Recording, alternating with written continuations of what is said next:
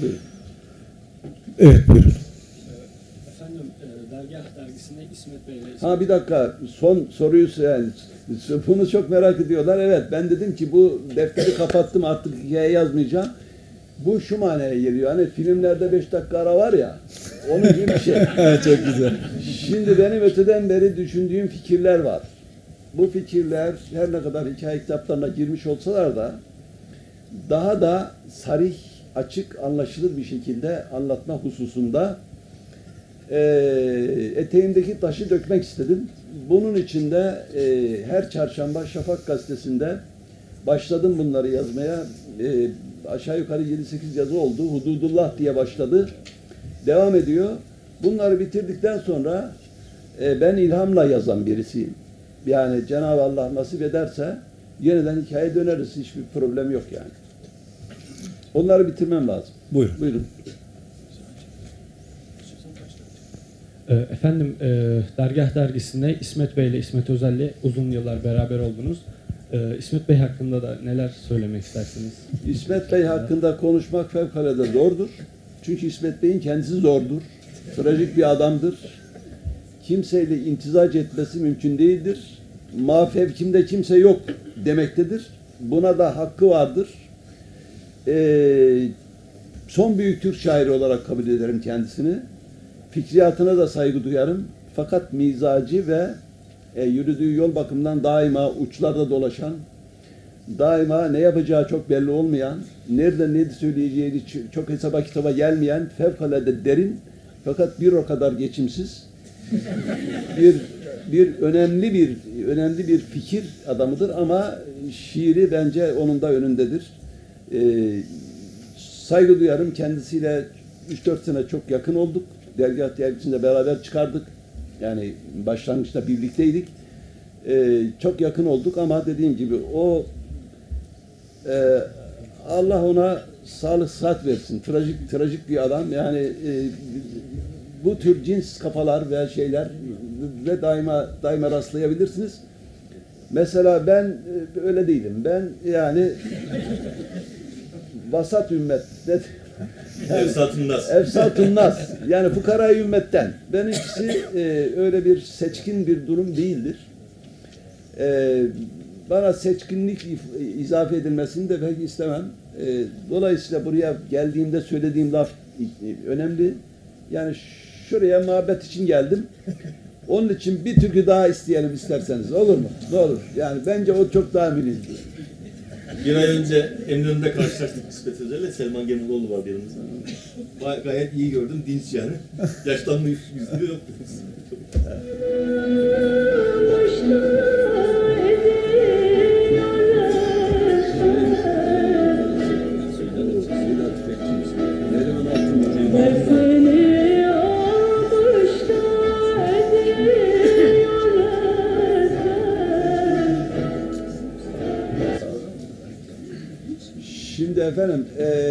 Tabii türküleri dinlemek epey bir zaman alıyor. Ben de 10 tane falan türkü yazdırdım oraya. Bunları böyle bir hani eee, ara sıcaklar olarak kabul edin. Dolayısıyla eee, bu da Yozgat sürmelisidir. Yozgat'ın 5-6 sene sürmelisi var. Tavsiye ederim. Yani bütün ülkemizin çok çok güzel türküleri var. Her böyle böl- bölgenin, her yörenin ayrı ayrı türküleri var. Yozgat'ta da e, bu sürmeliler başka yerde yok, Yozgat'ta var. E, bu söyleyen de e, Nida Tüfekçi aslında Yozgat sürmelilerini şey yapmıştır. Onun e, şeyidir, eşi Neriman Altın. Neriman Altındağ Tüfekçi. Evet, Neriman Altındağ söylüyor. Şimdi e, başka soru soran var mı? Şurada bir soru. Bir- Buyurun efendim. Buyurun. Buyurun. Şimdi insanlar e, değerini ait olduğu davanın değeriyle ölçer hale gelmiş. Yani bu sosyal aidiyet, dini aidiyet, kurumsal aidiyetle kendi şahsiyetinin değerini ölçer hale gelmiş. Ben size şunu soracağım. Belki Nurettin Topçu'yla da e, hayatınızın belli bir döneminde kesiştiğiniz için. İnsan önce şahsiyetini inşa edip dava sahibi mi olur? Yoksa bir davanın içinde mi şahsiyet inşa edilir? Peki. Evet. Ee, tabii güzel bu da yani çok çok önemli önemsemem önemsemim önemsememiz tamamız yok. Ee, şahsiyet biraz evvel orman misali vermiştim. Ormandaki ağaç şahsiyet sahibidir. Ya kayındır, ya çamdır, ya gürgendir, ya meşedir. Hepsinin kendi şahsiyeti var. Ama bir araya geldikleri zaman bir orman oluyor. Bizim eee cemaatimiz, cemaati genişletelim. Yani ailemiz, mahallemiz, toplumumuz, cemaatimiz ve hatta devletimiz şöyle olmak iktiza eder. Fert cemaata tahakküm edemez. Fert cemaata tahakküm etmeye kalkarsa bu istibdat olur. Tek kişi. Cemaat da ferdi bir robot gibi ezemez. Onu şahsiyetinden mahrum edemez. Fert cemaati cemaat ferdi yetiştirecek. Fert cemaati cemaat ferdi yetiştirecek. Ee, besleyecek. Bu aileden başlayacak, mahalleden başlayacak, mektepten devam edecek, topluma gidecek, toplumdan idareye gidecek. Bütün topluma yayılan hak ve vazife denilen meseleler bu çerçevede bizim şahsiyet olmamızı şahsiyet olmamızı sağlar. Dolayısıyla şahsiyet çok önemlidir. Ee, tavuk tavuk yumurta yapmayalım. Yani şahsiyet cemaati, cemaat şahsiyeti doğurur. Burada başka bir şeye de önemli dikkatinizi çekmek isterim. Bunu yazdığım için bir de reis bunu çok te- tekrar ediyor. Ben bunu yazdığım için burada söylemekten hiç e, şey yapmıyorum. Diyor ki Edebalı Hazretlerinden e, diyor ki insanı yaşat ki devlet yaşasın. Güzel doğru bir laf. Fakat bu madalyonun bir yüzüdür. Madalyonun öbür tarafında diyor ki devleti yaşat ki insan yaşasın. Yani insan devleti, devlet insanı yaşatacak. Birbirinden ayrılmaz bunlar yani. Dini devlet derler bizde. Dini devlet, milki millet. Bizim anlayışımız bununla ilgilidir. Ve şuna da bakarsanız eğer doğru bulacaksınız. Ee, eğer Türkler e, içinde Müslümanlığı benimsememiş boylar varsa onlar yok olmuşlardır. Müslüman olanlar devlet kurmuşlardır. Dolayısıyla e, Müslümanlık devleti, devlet Müslümanlığı yani fert, cemiyet, fert, cemaat meselesi orada da aynı şekilde şahsiyet, orada da aynı şekilde yani önem verdiğim arkadaşlarımızdan birinin lafı geçti. İsmet Özel 77'de Düşünce Dergisi'nde yazdığı teknik makalesinin sonunda şöyle bir soru koymuştu ortaya. O soru hala cevabını bekliyor. Diyor ki Müslüman olarak güçlü bir topluma mı kavuşacağız? Toplum yerine devlet de koyabilirsiniz. Müslüman olarak, Müslüman yani siz şahsiyetten bahsedin. Güçlü bir devlete, güçlü bir topluma mı ulaşacağız? Yoksa güçlü bir toplum olduktan sonra mı Müslüman olacağız? Yani Müslümanlığı tam manasıyla yaşayacağız. Bu soru budur. Ee, ben tabii e, sorunun bu şekilde İsmet Bey'de böyle şeyler vardır. Ana, anakronizm mi? ne diyorduk ona karşılıklı böyle çeşitli Antagonizm. An- onun gibi bir şey vardır böyle çok zıtlarından hareket eder. Ben tabii e, Hazreti Peygamber örneği ve bütün peygamberler örneğini ve ondan ondan örnek alarak onun yolunu takip eden kişilerin örneğini gö- göz önünde tutarak tabii ki ön- önce iman ondan sonra İslam. Yani önce iman, ondan sonra İslam, ondan sonra tatbikat. Yani önce e, önceliği e, Allah yolumuzu açık etsin. Şimdi Hegel uğraştığı mevzulardan bir birey, sorumluluk, özgürlük, şahsiyet, devlet ilişkisinde bu çözümde diyalektik çözümler yatar. Yani Evet, söylediği şey. Bir soru oradan alalım. Hegel'in de çözümlemesi bu şekilde. Hocam ferdiyet yok, ferdiyet bencilliğe döner derken haşa biz mesajı Yok. belki bazen şöyle yanlış anlıyoruz. Yani biz ancak bir şeye ait olarak değerliyiz. Bizim ferdiyetçiliğimiz bencilliktir. Hayır. Biz, Ama biz adam biz ona biz ona değer katıyoruz, o buna değer katıyor. Biz yanlış İkisi, ikisi, ikisi birbirini besler. Buyurun. beslemeli daha doğrusu. Davanın aslında aksiyona geçtiği yerde mahalleydi ama siz de konuşmanızda mahalleyi kaybettik dediniz. Şimdi mahallede hem insanların insan ilişkileri, var, komşuluk ilişkileri vardı hem de bir dava bağı vardı. Mahalleyi kaybetmişken davayı nasıl ayakta tutacağız? Şimdi bu tabii e, çok temel bir soru. Çok temel bir soru. e, herhalde da- davayı kaybettik ki mahalleyi kaybettik diyeceğiz değil mi? Demeyelim. Demeyelim çünkü da, da, da- davamızı kaybedersek her şeyimizi kaybederiz. Öyle bir şey olmaz. Ama e, yani Türkiye 200 yıldan beri modernleşiyor. Yani bana ben evet internet internet kullanmıyorum falan filan da yani Mustafa abi o zaman otomobile niye biniyorsun diyorlar. Ya kardeşim e, Çerkez eğerli bir at bunun da atla gidip gelin. Olacak şey değil. Yani böyle sorular sorulmaması lazım. Abes şeyler bunlar yani.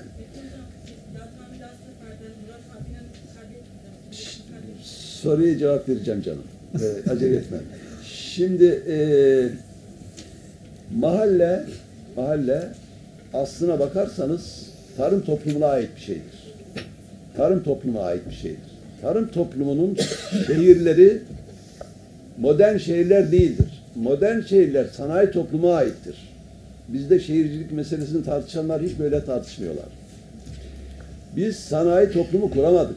Bizimki çapaçul bir toplumdur. Bir garip, gariptir. Şehirlerimiz, mehirlerimiz falan filan. Yani şirin evler nasıl oluşmuş? Şu kadar sokaklar.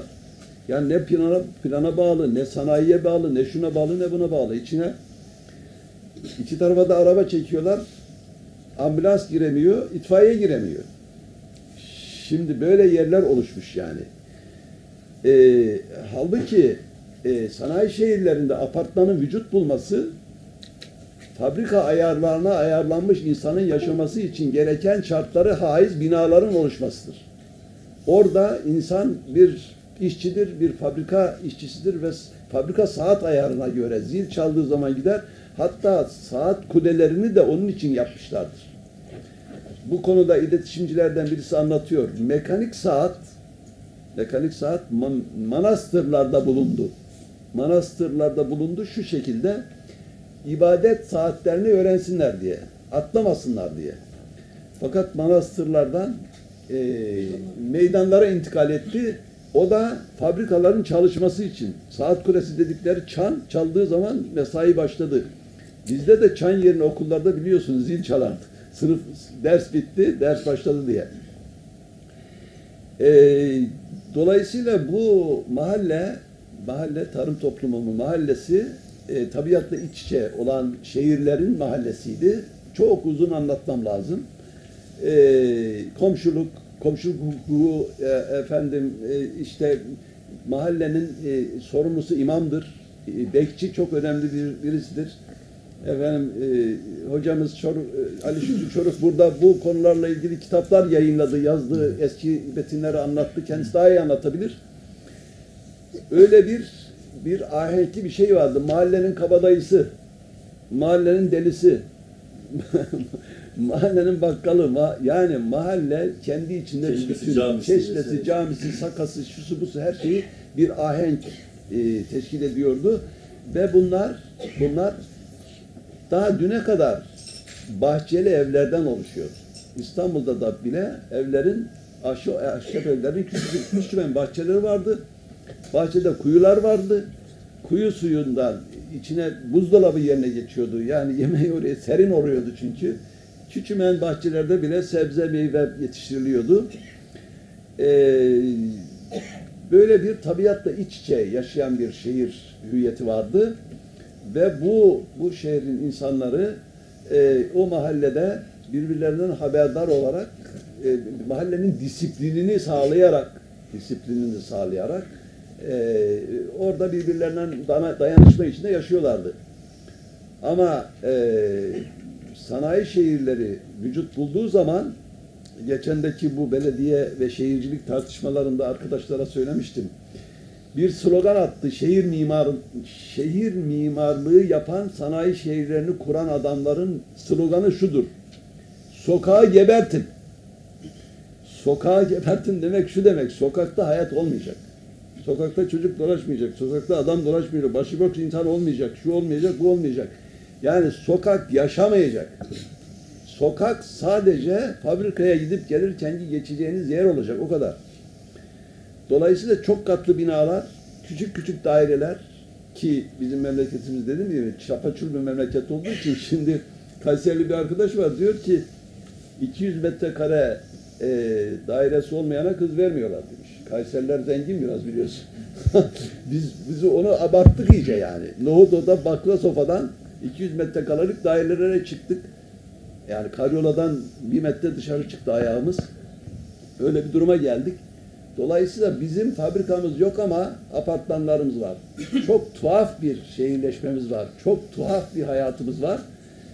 Yarı mahalle sayılır. Ben Başakşehir'de oturuyorum. Muhafazakar bir çevre.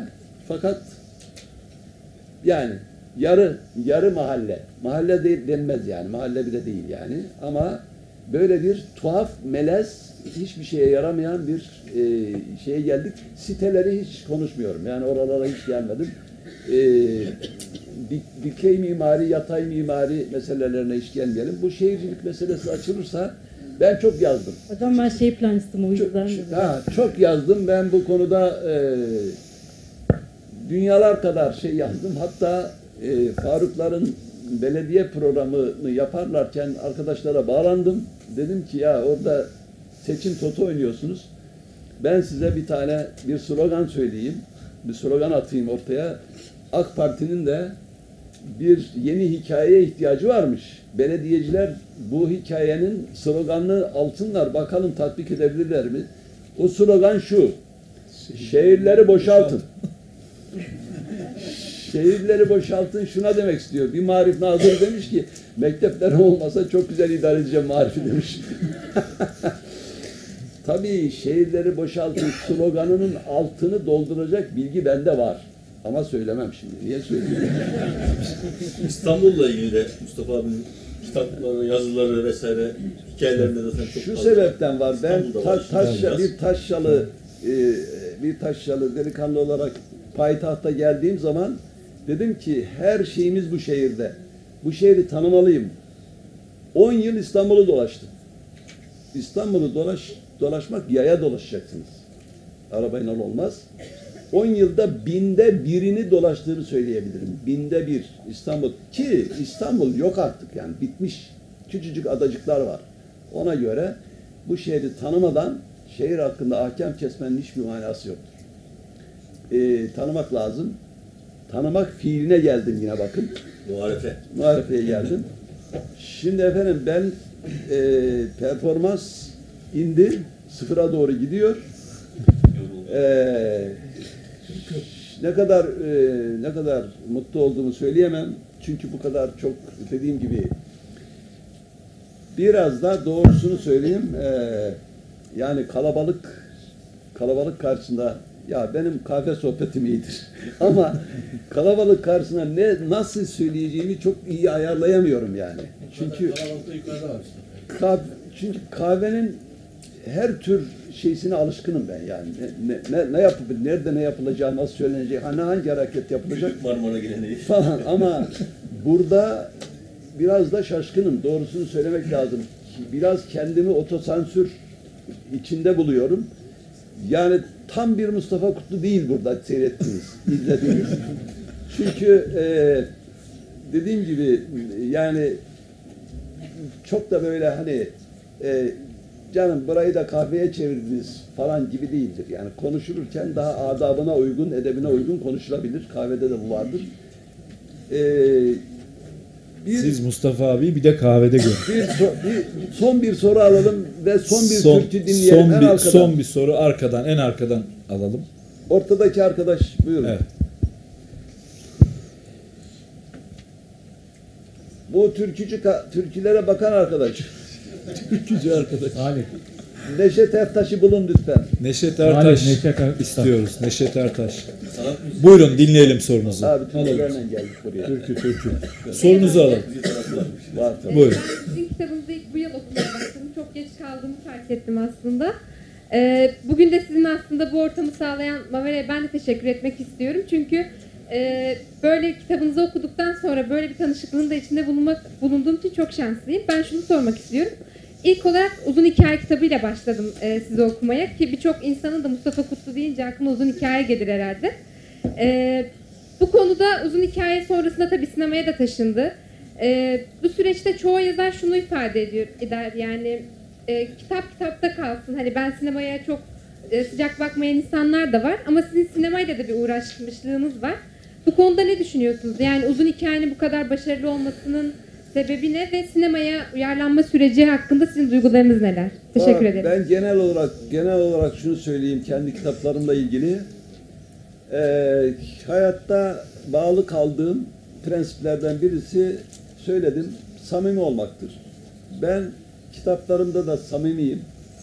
Bu samimiyet benden okurlara geçiyor sanıyorum. Dolayısıyla böyle bir e, yakınlık peyda oluyor ondan sonra. Bir de kasmıyorum kendimi yani.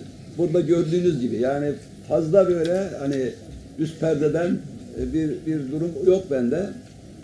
Ee, sinema ile uğraştım.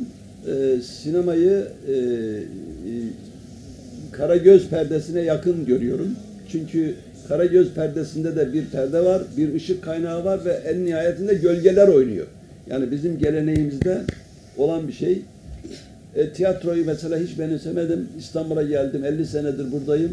Başkasının tavassutuyla iki veya üç oyun gördüm. Tiyatro bana itici geldi. Çünkü karşımda bir adam adamı görüyorum. Adam rol kesiyor yani. Şimdi bana inandırıcı gelmiyor yani. Bir- Bir de bir teatral bir şey vardır. Bizim sinema tiyatro e, orijinli oyuncularımız da vardır. Böyle elini kolunu sallatarak falan bir takım laflar. Böyle ses tonu teatral dediğimiz şey. E, bu bana çok e, şey gelmiyor. Yani bir itici bir şey geldi. Tiyatroyu, geldi. tiyatroyu benimseyemedim.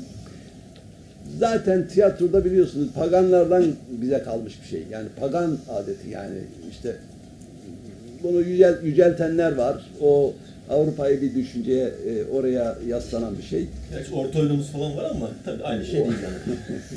Orta, orta oyunları bizim kahvelerde de olur o işler. Evet, yani evet, tamam. ne falan filan olabilir. Atilla Han da sizinle aynı filmde tiyatroyu beğenmişse hep sinema verdi.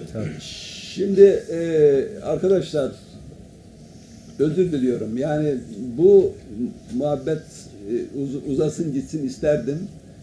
Ama dediğim gibi e, israf haddi doldu. E, benden e, bir e, veda e, konuşması yapmamı istemeyin. Yine buluşuruz belki inşallah. Ama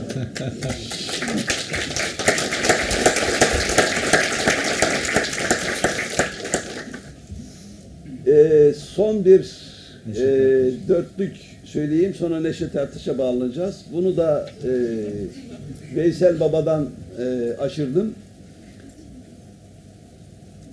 Gün ikindi akşam olur. Gör ki başa neler gelir. Ben giderim adım kalır. Dostlar beni hatırlar.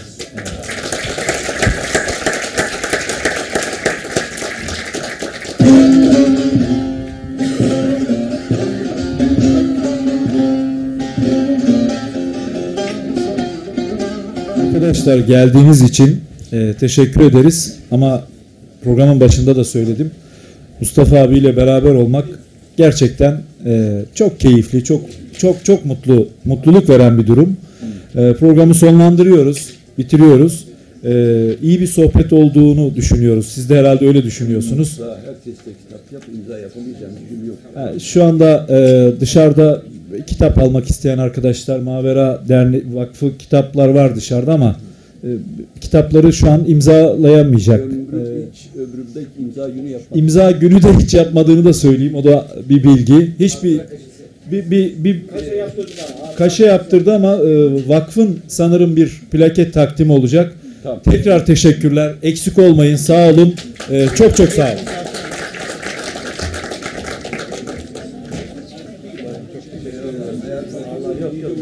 Çok teşekkür Allah razı olsun. Dualarınızı inşallah. Çok teşekkür ederiz. Allah razı olsun. Hadi bakalım. Mavera